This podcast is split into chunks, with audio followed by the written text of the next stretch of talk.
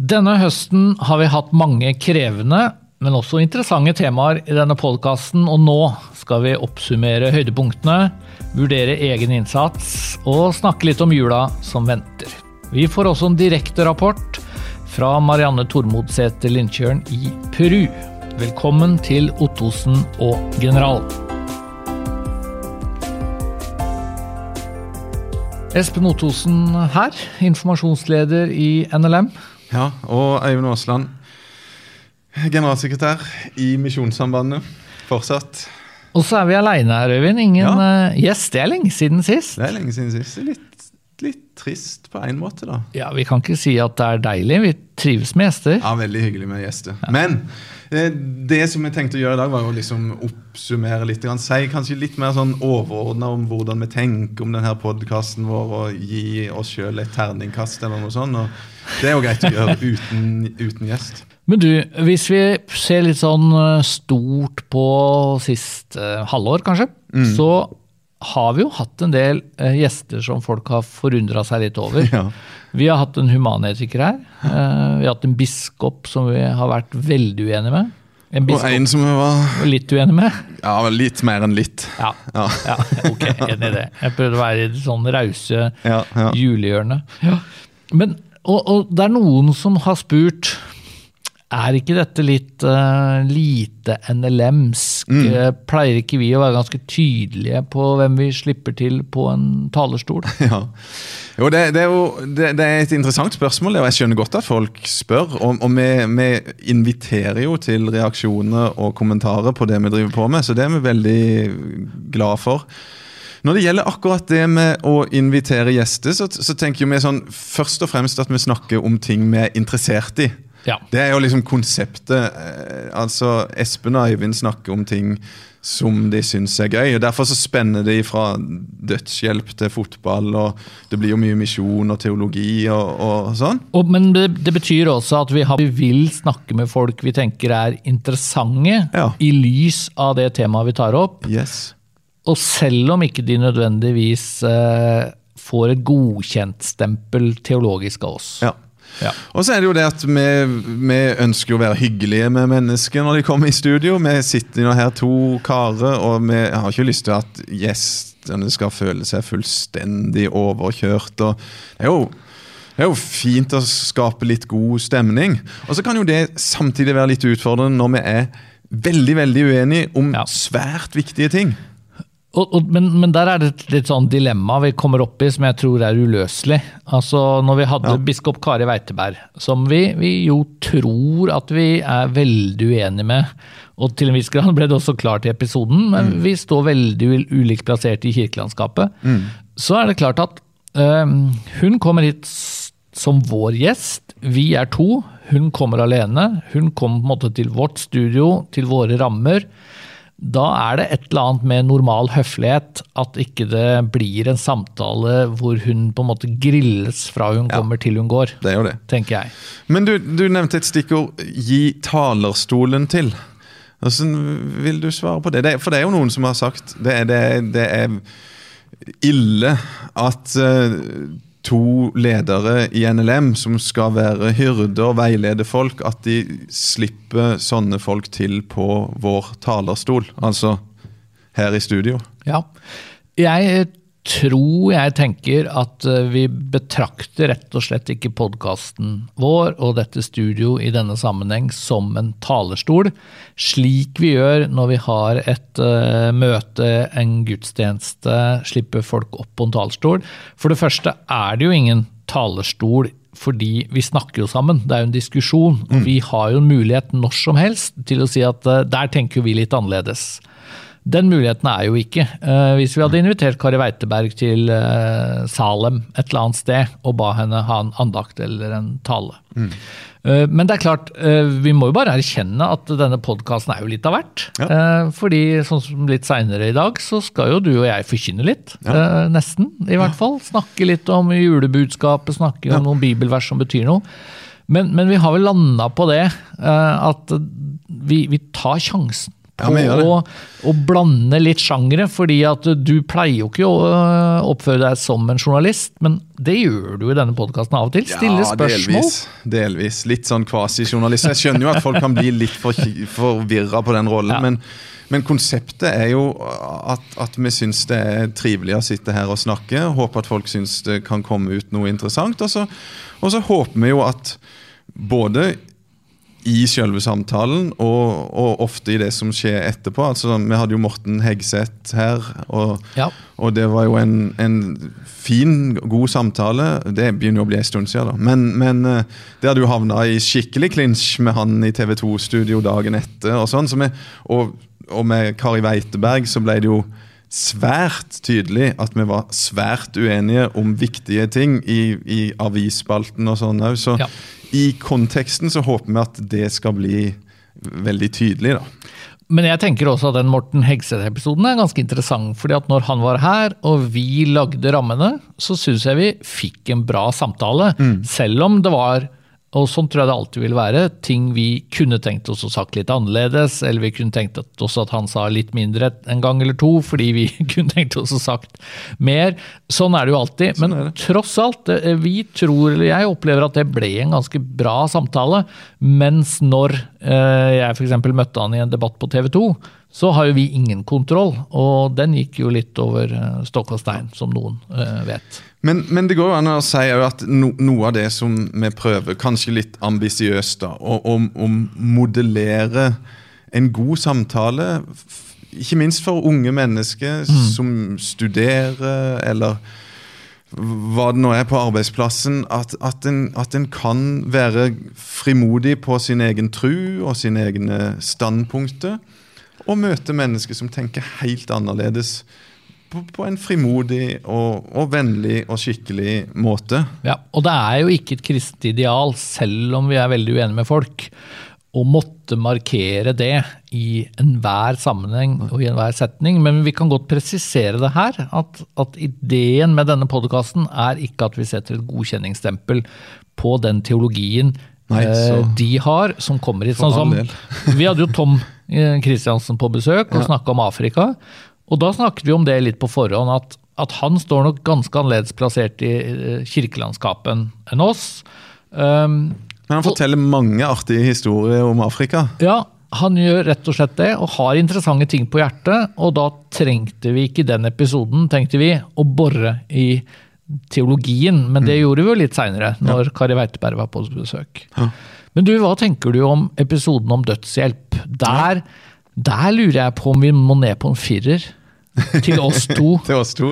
Jeg er litt usikker, altså. Hvis, men hvis vi er i terningkastverdenen, Ja. så Fordi han, eh, Morten Horn Jeg har fått veldig mange gode tilbakemeldinger. Utrolig flink fyr. Utrolig interessant fyr. Men blei vi litt slappe? Litt for uh, at vi ikke for han, sa jo noen ting som, som vi syns var litt sånn uh, vanskelig å håndtere der og da. Når de, når, altså, kristne har jo hogd i stein hva de må mene, mens jeg kan på fritt grunnlag vurdere og, og, og synse om forskjellige ting. Og, og Ja, for Det er vi jo ikke enig i. Nei, for det merka du deg, og tenker at da lager han på en måte en Da fremstiller han kristne veldig sånn fundamentalistisk. Var Ja. det følelsen din? Ja, han gjør jo det. Ja. Og, og, og det var jo litt av tanken vår, var jo at vi som kristne vi mener vi har gode argumenter Ja. basert på Bibel og kristen moral og etikk. Ikke at det er hogd i stein hva vi må mene og si, men at det var interessant og fruktbart å høre litt på en humanetikers argumenter, sammenligne, og, og at de kan på en måte utfylle hverandre òg. Ja, og jeg tenker det er så veldig viktig for oss som kristne eh, å ikke gå med på at det å tenke rasjonelt og det å tenke bibelsk er eh, to forskjellige ting. Det er Det jo kommer jo litt tilbake til når vi skal snakke litt om julebudskap og inkarnasjon. Ja, det er bare å glede seg. Men For, men for, for at jeg tror det er jo det vi, vi egentlig pepres med i samfunnet. altså Det er så mye bedre å være ateist eller et eller annet sånt, for da kan man bare tenke fornuftig, mens kristne må liksom tviholde på perspektiver eller synspunkter som man innerst inne tenker at ikke henger godt sammen eller er rasjonelle. Og det Det, det vil vi protestere på. Så, Det vil vi protestere på, og det burde vi kanskje gjort eh, i den praten med, med han eh, Morten Horn, men og, ja, så, ja, kanskje terningkast tre-fire på den. på den. Men resten toppscore, eller? nei, nei, nei. nei.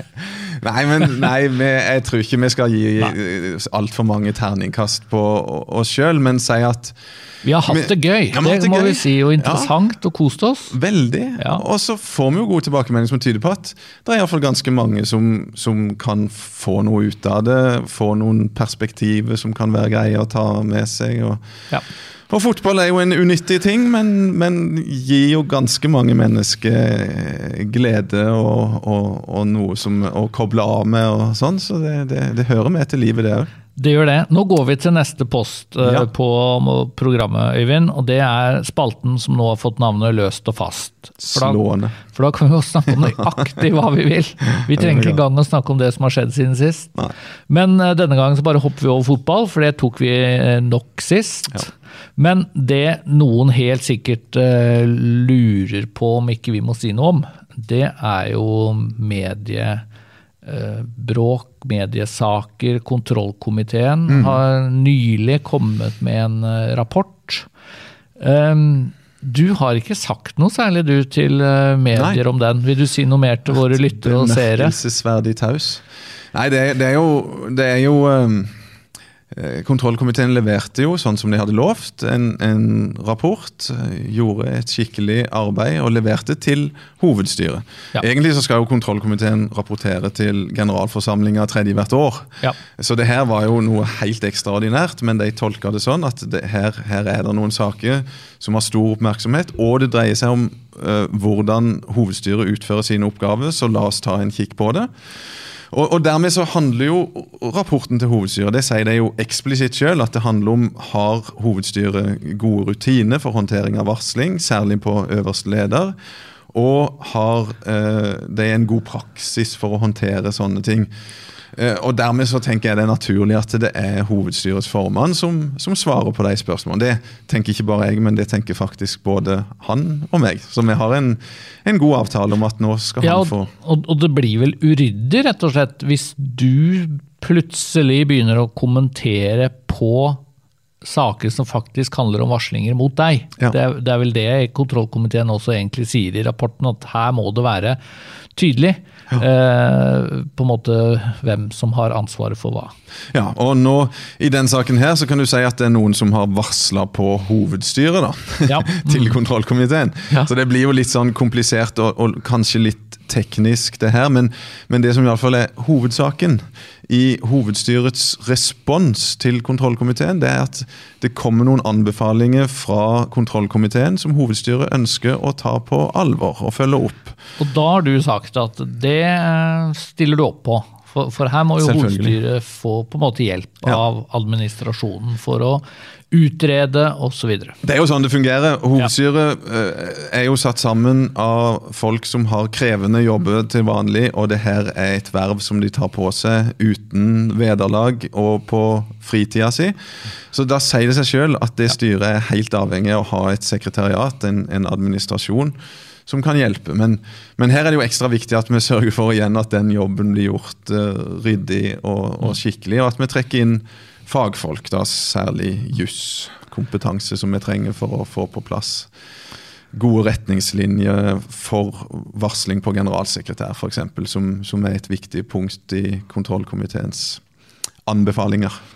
Men grua du deg til, til disse dagene hvor den eh, rapporten skulle fylle Vårt Land og dagen? Og jeg vet jo at du, du visste jo så godt at her kommer journalister til å ringe.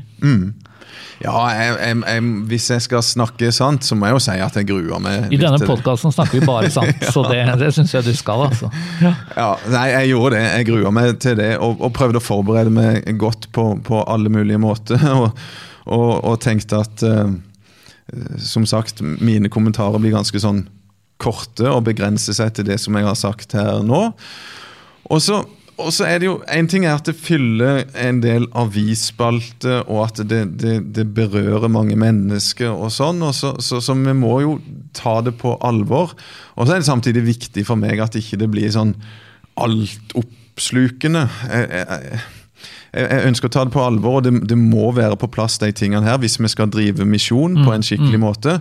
Men så, så ønsker jeg faktisk det, da, å drive med forkynnelse og utvikling av misjonsarbeidet vårt på ulike måter. Så, så å finne balansen her, da, det er viktig for meg. Men i denne podkasten så løser vi jo det ved at vi skal snakke om litt andre ting. Ja. Og, og, ikke minst snakke litt om jul. Ja. Men vi kan snakke litt om sex også. Det er lenge siden. Ja, du bruker jo å skrive og snakke en del om det. da. Og, altså, jeg, nå nettopp så hadde du en, en, sak som jeg har sagt til deg før at jeg syns var veldig, veldig bra. Og Det handler om mat og sex, faktisk. Det må du kanskje utdype for de som ikke leser Vårt Land? Ja, den sto i Vårt Land, en ganske stor kronikk eh, med tittelen. Og jeg er egentlig godt fornøyd med den, selv om den høres sær ut. Men altså, når mat blir sex, eller når sex blir som mat. Som mat, ja. ja. For mitt poeng da, er at noe av det jeg syns er veldig interessant med vår tid, er at uh, stadig flere, i en, på en måte en sånn sekulær tenkning, ser på seksuelt samliv og seksuell intimitet som et behov på samme nivå som mat mm. og klær og, og drikke. Mm. Og det, med, det, var til og med en som skrev i Aftenposten, og det var da jeg liksom tenkte at dette har jeg lyst til å kommentere, for det var en som skrev i Aftenposten at eh, det hun skrev, da, et forsvar for one night stand under koronaen. Uh, one night stand, det kan du forklare. Du er jo litt mer ungdommelig enn meg, kanskje. ja, Det betyr vel en tilfeldig engangs uh, seksuell forbindelse. Strålende eh, definert. Ja. ja. ja nei, men litt sånn ja, litt tilfeldig sex. Og hun skrev at det mener hun at uh, single mennesker må ha anledning til, fordi sex og seksuelle behov er så grunnleggende. Ja. Og da tenker jeg at um, for det første så er ikke det et kristent perspektiv. Det ville vært helt umulig å sagt ungdom vent med sex til ekteskapet. Mm. Eller sagt til en uh, gift person uh, som, som, skal på tre måneders uh, arbeidstur til uh, et annet land. Nå er ikke det så lett under koronaen, men det skjer nok. Det blir jo helt umulig å se for seg at man kan uh, være et trofast menneske hvis, mm. hvis, man faktisk går til grunne på samme måte som man faktisk gjør uh, fire uker uten mat. Da ser man jo ganske medtatt ut. Mm. Så, så, jeg hadde lyst til å protestere litt mot det. For jeg tenker at det kristne perspektivet er jo at ja, sex er noe flott. Sex er skapt av Gud. Uh, og mange har, opplever at de har sterke seksuelle behov. og Jeg kan si mye sånt, mm. men det er ikke på det nivået at man går til grunne. Og uh, hvis man ikke har seksuelt samliv. Og, og, der er det jo også litt interessant at de to viktigste personene i Bibelen, mm. i Det nye testamentet, i hvert fall Jesus og Paulus, mm. uten at vi skal sammenligne de sånn helt, men de levde jo som single. Uh, og de var fullt ut mennesker. så ja, det, det, det, jeg, jeg syns jo som sagt det var en glimrende artikkel. Jeg syns du fikk satt veldig godt ord på de tinga der. At, eh, at, det går an å leve et meningsfullt liv som singel, heterofil eller med homofile eh, legning eller uh, følelse. Og det er et fullverdig og godt liv. Ja. Det, det, det, er jo, det, er jo, så viktig å, å, si til mennesket i dag. Og det er jo litt av det jeg har lært også, da, disse homofile vennene mine. For jeg har jo skrevet bok om dem for en del år siden, og den oppdaterte jeg nå i, i mars. Eh, veldig dårlig timing sånn med tanke på lansering, og komme ja. den liksom, til koronakrisen. Men, men også det er mange av de som har vært så opptatt av at, eh, at livet som en homofil, singel kristen blir mye verre hvis de hele tiden får beskjed om uh, at det er livet i ekteskap som er det eneste saliggjørende og det mm. eneste mm. meningsfulle og det eneste som gir, gir et godt liv. Og en ting sånn, Apropos det vi snakka om først. Er, er, det bare, er, er, det her noe som vi bare må si fordi Bibelen sier det? Og egentlig så er det litt eh, trist, ja. og egentlig så er, det, så er, det, helt irrasjonelt. Men vi må jo bare si at ekteskapet er ramma for uh, alt seksuelt samvær. Der, der går det iallfall an å få ganske mye støtte fra forskning og vitenskap og folk som samlivseksperter og hva det er, som kan bekrefte at det, det virker fornuftig og, og, det lønner seg å leve etter de kristne idealene på det området der. Og jeg tror at veldig mange, når de tenker seg nøye om, så vil de jo virkelig ikke mene at sex er omtrent som mat. Det, det er på et annet nivå. Skal vi snakke om noe annet siden Ja. sist? Det, altså, jeg har jo alltid gode vibrasjoner når jeg kommer inn i det rommet her, og, og for ikke så lenge siden så, så gjorde Så fikk rommet enda en betydning for meg, for vi hadde misjonærinnvielse her. Det- det- Misjonærinnvielse i dette studio. I Ja. dette studio, med ni personer til stede fysisk. God avstand mellom alle, selvfølgelig. Det, vi prøvde å holde to Ja. meter, og jeg tror faktisk vi klarte det. var målt opp mellom stolene og skikkelig opplegg. Ja. Eh, og så eh, hadde vi sånn videolink da, til familie og venner, så det var ganske mange som satt rundt omkring på sine devices og fulgte med. Men svært få, tross alt, da, av våre lyttere og seere har fått med seg dette, for det var ikke et offentlig arrangement. Det var ikke offentlig, det var bare inviterte uh, gjester som fikk en link og kunne Og det, klikke seg inn på den. det handler også om at enda en gang så skal vi sende ut utsendinger til såkalt sensitivt arbeid. Ja. Det, det gjør vi. vi. Vi sender ut til Øst-Afrika, skal drive med bistand, flotte vann- og, og hygiene, helseprosjekter. Ja. I, I et område som er dominert av islam. Så det, det var veldig bra. og det er jo Men det er litt stilig da, at vi kan ha innvielse nå, Ja, det det. sende ut folk nå. Det går Yes. fly til Afrika fortsatt. De gjør det. Ja. Det her skal jo reise ut uh, ganske kjapt på nyåret, og det, det, det er mulig, det. Og, og må jo si det at det, det, en- det utrolig flott å merke at til og med i et år som 2020, Ja. så har rekrutteringa til stilling både i utlandet og, og i Norge vært øh, ganske bra, altså. Så det, det er vi veldig glad og takknemlige for. Du, For å hoppe litt i tematikk, da, for å si det forsiktig. Ja. Vil du høre om det siste veddemålet? Kan vi kalle det det? Gjettelek? Helst, ja, det gjettelek. Gjettelek er bedre, Veddemål, og- mm, mm. ikke helt innafor. Men det siste gjetteleken i familien Ottosen Ja. Jeg skal på EU-kontroll ja. Jeg skal på EU-kontroll med Volvoen, og Mhm. nå er, har vi da utløst stor premie til den som gjetter nærmest på hvor mye penger koster det å få den bilen gjennom EU-kontrollen. Ja. Så min kone er da en desidert mest pessimistisk og tipper 18 000. Ja, og Vi snakker altså Volvo som er hvor mange år gammel 2001. og har gått hvor mange kilometer? 280 000. Ja. Så, så noen jeg, På ett vis så, så tenker jeg at det er mulig min kone er sånn egentlig bare realistisk. Ja. Og at- Og at sønner og svigerdøtre som holder litt igjen For altså Den mest optimistiske sier 4003. Det er vel du sjøl, kanskje? Du bruker jo å være Ja. ja, ja, nei, jeg tok nest mest optimistisk. Tenkte at jeg skulle holde litt igjen. Men, Men er du villig til å koste på den? Er du villig til å betale 18 000 for å få den gjennom EU-kontroll? Nei, En så gammel bil som har gått så langt? Ja, for den er jo verdt 4500, ja. eller noe sånt. Så nei, jeg tror ikke det. Kanskje rundt 10 000. Mhm.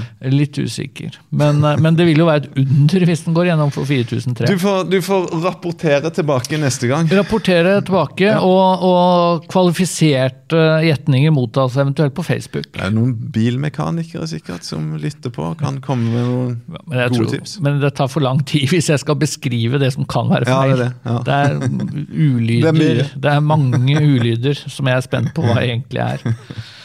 Men du, skal vi rett og slett eh, ta oss, eh, ta oss til Peru, hadde jeg nær sagt. Ja.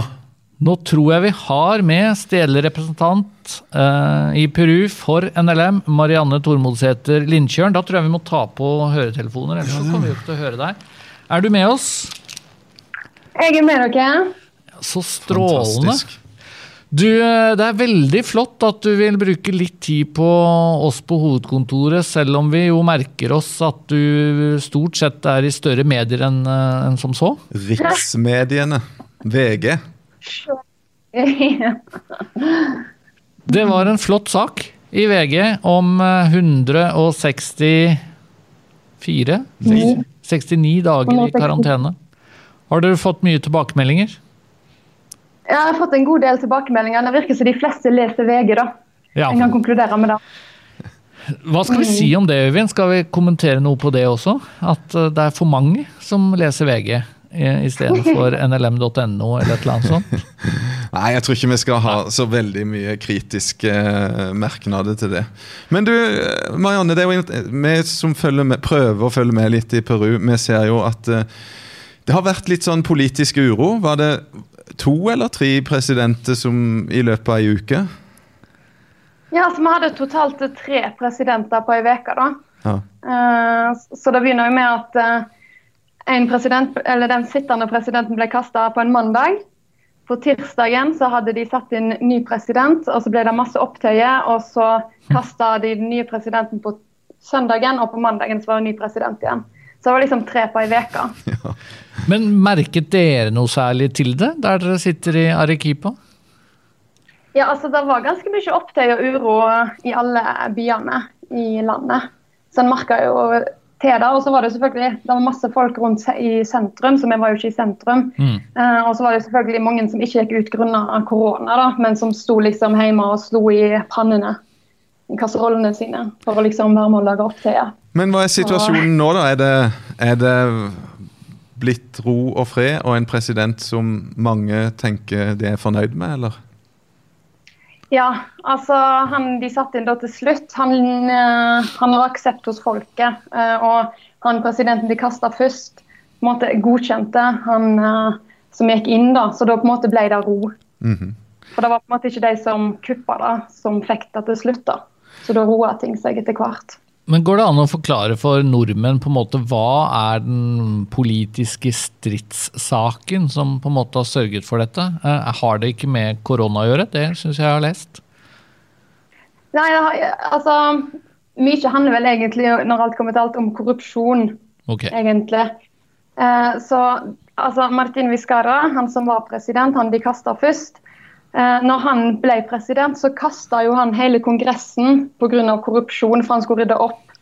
Eh, og så får han jo en ny kongress som ender opp med å ville kaste han.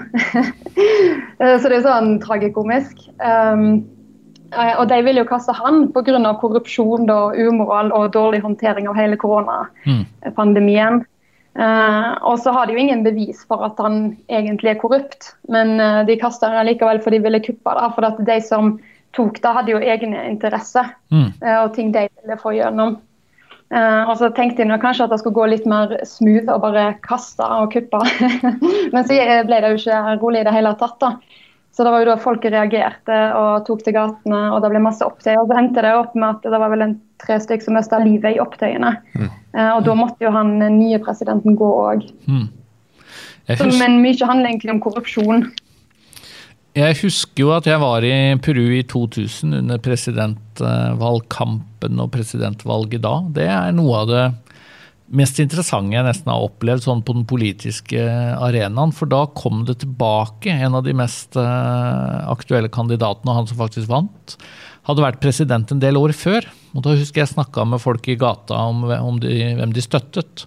Og da sa de, ikke som vi gjør i Norge, at det er som pest eller kolera, men de sa at det var som aids eller kreft. Det var formuleringen de brukte i Peru. Og så sa noen da at de støttet han, president, han som hadde vært president før, fordi at eh, han var så korrupt at de tenkte at han hadde tatt så mye penger da at han trengte ikke noe mer. Det var eh, logikken. Og det kan jo hende Ja, altså, de sier jo ofte at det handler egentlig mest om hvem som kommer til å stjele minst. Ja. Hvem de tror kommer til å stjele minst, og så stemmer de. Det er veldig trist med korrupsjon, altså, som, som virkelig er noe som uh, setter utvikling og, og, og alt det gode som kan skje i et land, veldig veldig mye tilbake. Så det, det er trist å høre det. Men du Marianne, hva, hvordan er situasjonen nå da med korona og fram imot jul? og Hvordan ser du på livet? Nei, altså, Ting har jo på en måte roa seg eh, med korona. eller Vi fikk jo lov til å gå ut i september, og så har det på en måte gradvis ordna litt og litt og litt mer opp. Eh, og en får litt mer sånn normal hverdag. Eh, det er fortsatt forbudt eh, å møtes, men en kan jo gå på kontoret, da, så det er jo deilig. Um, men, så ikke ser en jo at etter en har åpna opp og åpna opp, så begynner jo smitten å blusse opp igjen. Så det blir jo på en måte spennende å se hvordan det blir videre. Uh, om de stenger alt ned igjen, eller hvordan de skal klare å håndtere det. For at jeg tror det er helt umulig egentlig å stenge alt ned igjen sånn som de gjorde, for da overlever ikke folk til slutt. Um, Så, Men ja. hvordan kan det bli noen julegudstjenester, eller er alt digitalt? Eller hvordan blir det å feire jul sånn for menighetene som vi samarbeider med i Peru? Nei, altså, her har vi jo ikke hatt fysiske gudstjenester siden 16. mars. 15. mars var siste gang. Så de har ikke åpna kirkene ennå. Siden en ikke har lov til å ha på en måte samlinger av folk. Så de har heller, det blir ikke noe vanlig julegudstjeneste, Det blir ja, virtuelle julegudstjenester. Og så Ja. satser de jo på å åpne i slutten av januar, da, hvis ikke det er kjempemye smitte igjen. Skjønner. Du, Veldig flott at vi fikk en uh, direkte rapport eh, fra Peru, at du var med oss. Vi må si litt om jula, da. Hva, gjør okay. du, hva gjør du på julaften? Hva, tenk, hva, mat? Er det gøy å feire jul? Trivelig? Stemning? Er det Alt, pinnekjøtt? liksom. Ja. Ja, altså, jeg skulle jo selvfølgelig ønske at jeg fikk spise pinnekjøtt, kjøtt, eh, og det ser kanskje ut som en får det. Eh, For eh, Ingebjørg Martinussen, som også er her ute, og misjonær for NLM, hun har pinnekjøtt liggende i frysen fra i fjor. Nei, Eh, Så da, da ser det ut som det skal gå bra med jul i år òg. Men vi har, vi adoptert en fire år gammel schæfer. Da tenkte vi var en kjempegod idé, da, men den er jo ikke oppdratt. Så jula kommer nok gå litt med til å prøve å oppdra den. og se hvordan den reagerer.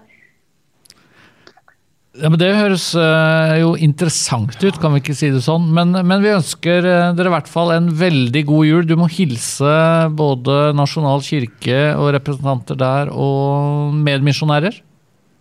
Det er ikke så mange av dere, men alle sammen må du hilse. Hilser veldig mye alle. ønsker alle en god jul. Takk. Flott. Nå skal vi snakke om jul, Øyvind. Ja, det skal vi. For ehm, det blir jo en spesiell jul.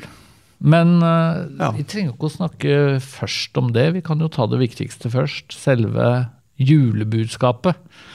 Hva, hva tenker du mest på? Hva har du for jeg håper å si, juletekst, julebudskap, julesang?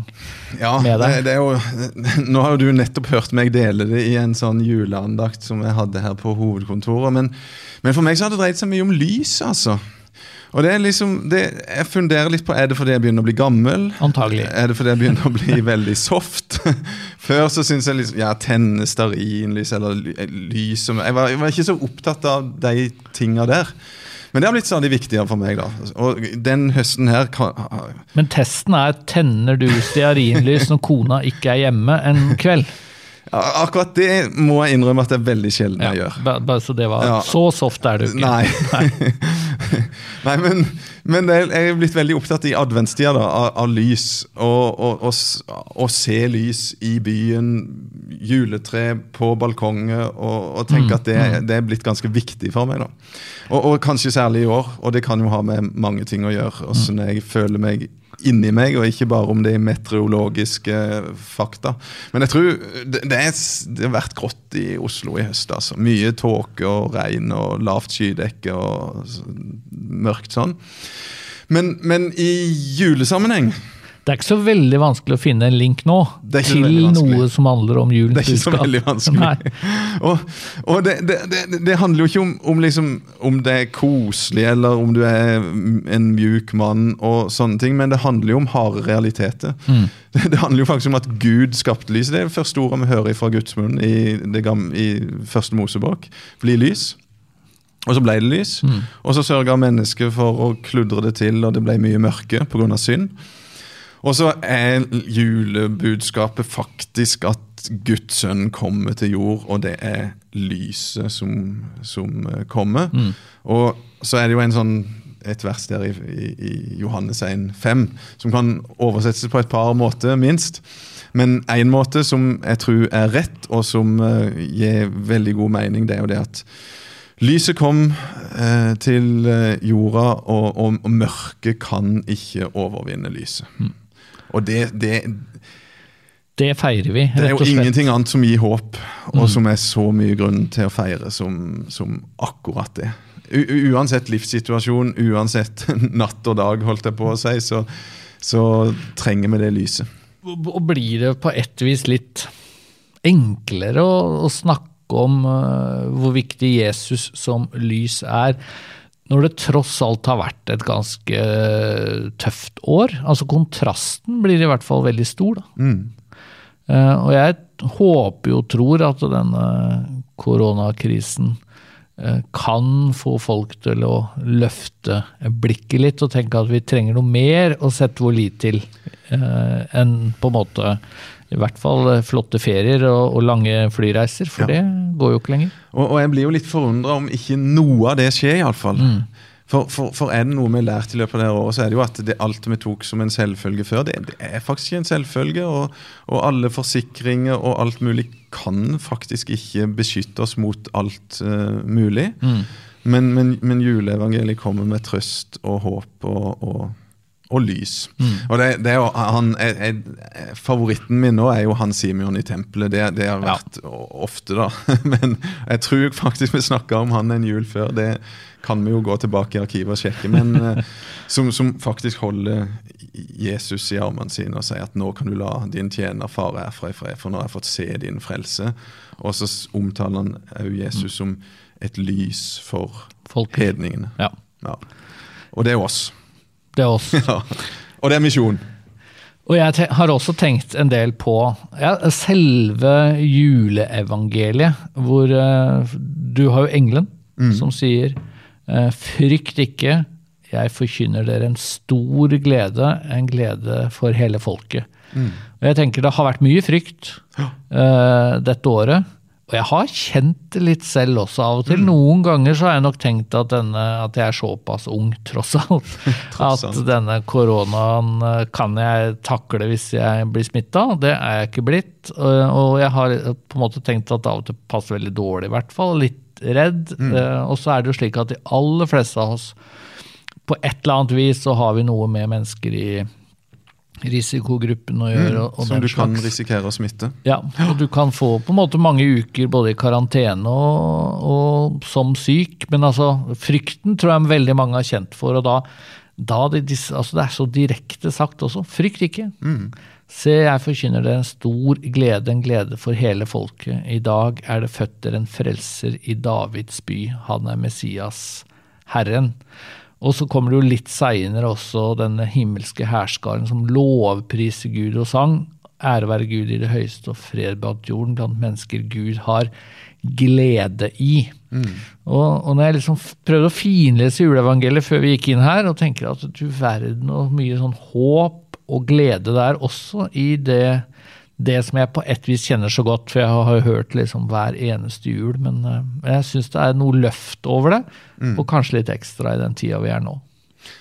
Helt enig. Det, er, det, det, det, blir spesielt å feire jul i år, tenker jeg. Og, og, og ekstra grunn til å glede seg og, og tenke nøye gjennom juleevangeliet og det budskapet som, som vi har fått som, til frelse for oss sjøl, og til å bringe ut til alle mennesker i verden. Og det, det folket som sitter i mørket, skal få se et stort lys. det er liksom det som er drømmen og visjonen for oss, at, at vi kan være med og bidra til det. Men dette budskapet om at, eh, som du var inne på, Simeon i tempelet, som holder et bitte lite barn, et spedbarn, gråtende, lite barn som antagelig så ut som alle andre spedbarn, og så sier han, nå har mine øyne sett din frelse. Ja.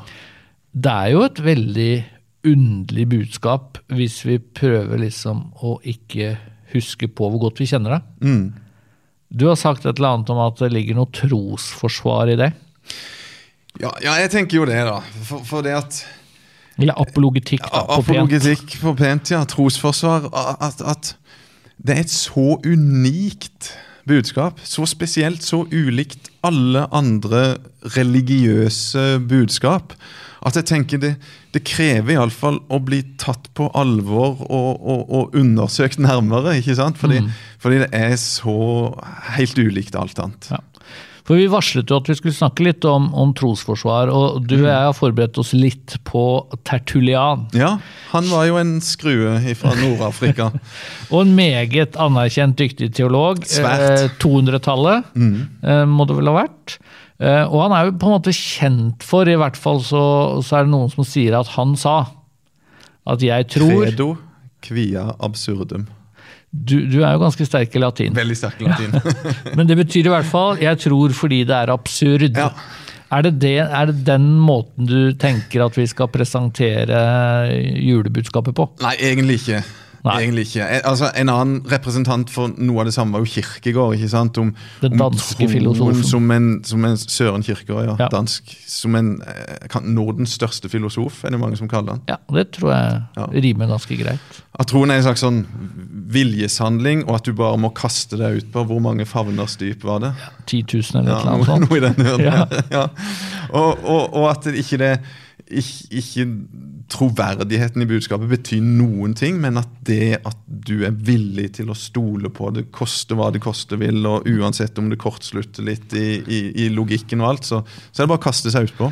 Ja, og da, da kan det jo oppfattes som at man egentlig ikke driver med trosforsvar i det hele tatt, Mm. men på en måte parkerer alt som heter rasjonalitet og fornuft og den slags, fordi tro er tro. Og det er jo ikke vi noen talsmenn for. Nei, la oss si det, Det, det, klart. vi, sier ikke at, vi sier jo ikke at alt i vår tro kan forklares etter, eller, eller bevises etter vitenskapelige uh, prinsipper. Men, men kanskje ikke så langt ifra heller. Det er iallfall ikke sånn at det er ufornuftig å tro på julas evangelium. Det mener jeg. Ja, og jeg tenker også at uh, altså, hvorfor skrive en bibel? Altså hvorfor skrev Paulus så mange brev? Hvorfor skriver evangelistene det de skriver? Hvis de innerst inne tenker at dette gir ikke mening, dette henger ikke på greip. Jeg tenker at, at selvfølgelig kan det kristne budskapet forklares. Og så kan man jo diskutere, men i hvor stor grad man kan argumentere mennesker til tro, det, det Ja. kan man kanskje ikke. I hvert fall eh, så er tro noe mer enn bare det Du det kan jo å hjelpe mennesket inn i en prosess som leder Ja. fram til tro, med å framføre gode apologetiske argumenter. Det, det vil jeg jo hevde. Og da, men da er det jo kanskje et interessant argument at uh, det er noe med det kristne julebudskapet som overrasker så mye. Ja. At, at eh, det, er ikke, det er ikke det at det er absurd eller overhodet ikke henger på greip, men det er en annen måte Gud opptrer på da, ved å bli et lite svakt barn, enn hva skal vi si, en slags hjemmesnekker av religion kanskje ville, ville gjort det til. da. Det vil jeg si, og jeg vil iallfall si at en god måte å presentere julebudskapet på, er jo for, i alle fall for mennesker som ikke har hørt det så mange ganger at de liksom ikke tenker over det. Men, men, men, men det, det unike, det spesielle, det oppsiktsvekkende budskapet her, det bør du iallfall gi en sjanse. Det tenker jo jeg. Så unikt er det at det fortjener iallfall å, å bli gitt en sjanse. Og det, det er kanskje en måte å, å presentere det for mennesket på i dag. Bare, bare Stopp nå opp og tenk over hva det er faktisk vi, vi sier, og, og at, at Gud stiger ned og bli menneske, et lite sårbart barn. Eh, Det, det er jo Ja, og det er noe av det vi møter også i eh, juleevangeliet. Altså ære være Gud i det høyeste, du har dette himmelens hærskare. Altså, det er noe veldig sånn majestetisk. Men det er ikke bare det. Nei. Altså, det er også det svake barnet som tar vår plass, som blir en del av vår verden, som etter hvert vokser opp, som lider, som dør. Det er også den svake Gud, og det tror jeg kanskje for mange kan gi en trøst. Da. Det er ikke bare Gud som majesteten. Nei. Så alt i alt så tenker jeg at det, det er det, det ligger noe veldig fint og trosforsvarsaktig Mm. i det her uh, unike og flotte budskapet. Til slutt, Øyvind, hvordan skal du feire jul? Sånn helt konkret. Det blir ikke så mye gudstjeneste. Nei, det gjør ikke det. Eh, Men da er vi jo så heldige at vi, at vi kan se NLMs digitale julegudstjeneste. Og det, det gleder meg jo til. Ja, vi lager eh, julegudstjeneste, og vi må nesten si da, at det er også en nyttårsgudstjeneste. Vi må kanskje kalle det nyttårsandakt eller nyttårsmøte, for det er jo ikke en lang gudstjeneste. Første nyttårsdagsandakt. Den har du eh, tatt ansvaret for. Ja, Ja. prøvde på det. Ja. Så får vi håpe at det kan være noe som kan gi noen gode nyttårstanker og, og eh, et godt evangelium å starte det nye året med. Men ellers tradisjonell eh, jul, og barna kommer hjem og Ja, nå, nå er det ett av barna som må, som, må, som vil, som eh, bør reise til sine svigerforeldre. Ja. Hun som gifta seg. Og så blir det to andre som blir hjemme, og kanskje en gjest til, eh, hvis vi er heldige. Så det, det blir stille og rolig, og jeg gleder meg veldig til å få bare slappe av sammen med deg. Men du Espen, du er jo i en litt sånn dramatisk situasjon i år. Jeg har uh, første jul da, på 27 år uten barn. Oi, oi, oi. oi. Ja. Så nå drar alle tre til sine svigerfamilier. Hæ? Så da sitter vi der, da. Men uh, det skal gå bra. Jeg får noen eh, svigerforeldre på besøk. Og så, så har jeg jo skjønt da at eh, barna mine har snakka sammen og liksom blitt enige om en sånn rullering. For når de er hos oss, så syns de det er hyggelig å være alle der. Ja. Og da blir jo den prisen vi betaler, at plutselig er det ingen der. Annenhver jul uten og Så det er liksom ingen mellomting, det er bare på og av. Det ser rett og slett ut til å bli sånn. Men, men øh, kanskje blir det litt mer tid da, til ettertanke og Hva skal vi si Stillferdig meditasjon over julens budskap. For, for det kan jo være litt sånn hektisk med huset fullt òg. Men du, kan du love meg en ting? At du ikke setter deg på ned på julaften og skriver en ny kronikk? Ja, det, jeg kan- ja, jeg lover det. Vi prøver å ta fri på vi, vi, julaften. Og, vi, vi gjør det. og ikke minst dagen etter, da, i første juledag. Da tror jeg vi runder av der. Vi eh, takker de som har eh, hørt på Ja, vi gjør det. I hele, året. år. Ja. Ja. og denne episoden. Takk til Marianne Tormodsæter Lindtjørn, som var med fra Peru. Eh, Vi er tilbake over jul, selvfølgelig. I mellomtiden så kan du følge oss på Ottosen og Generalen på Facebook-sida vår. Da. Og du kan se episodene hvis du vil det på nlm.no. Vi ønsker en riktig god jul og godt nyttår. Takk for følget, alle sammen, og god jul.